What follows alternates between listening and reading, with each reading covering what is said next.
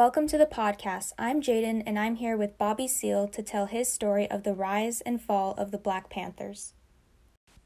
Can you tell me a little bit about yourself?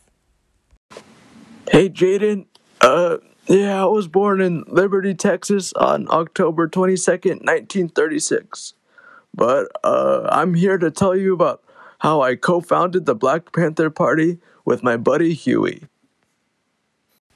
And what were the Black Panthers? Well, one day I was in Oakland with Huey.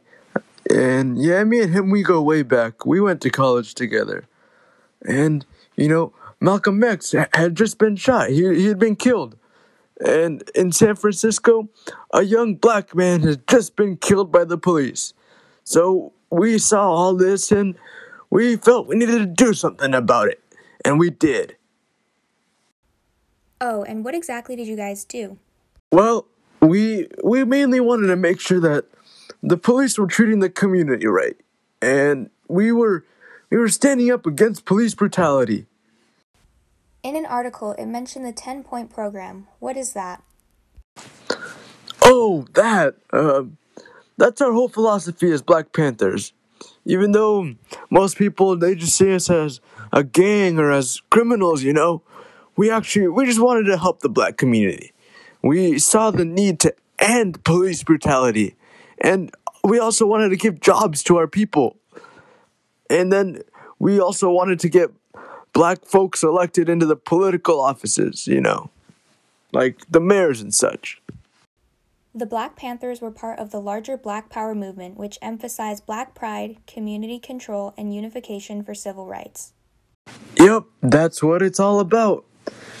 We even started free breakfast and free health clinics to school children in 13 black communities all around the country.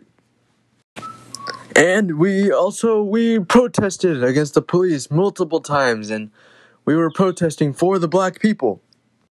Did those protests ever get violent?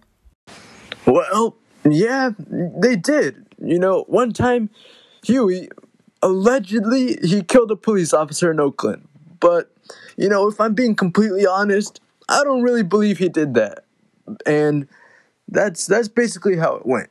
But, you know, to answer your question, yeah, maybe maybe sometimes things could get a little violent or things could get a little out of hand, but you know, that's what it's like when you're protesting.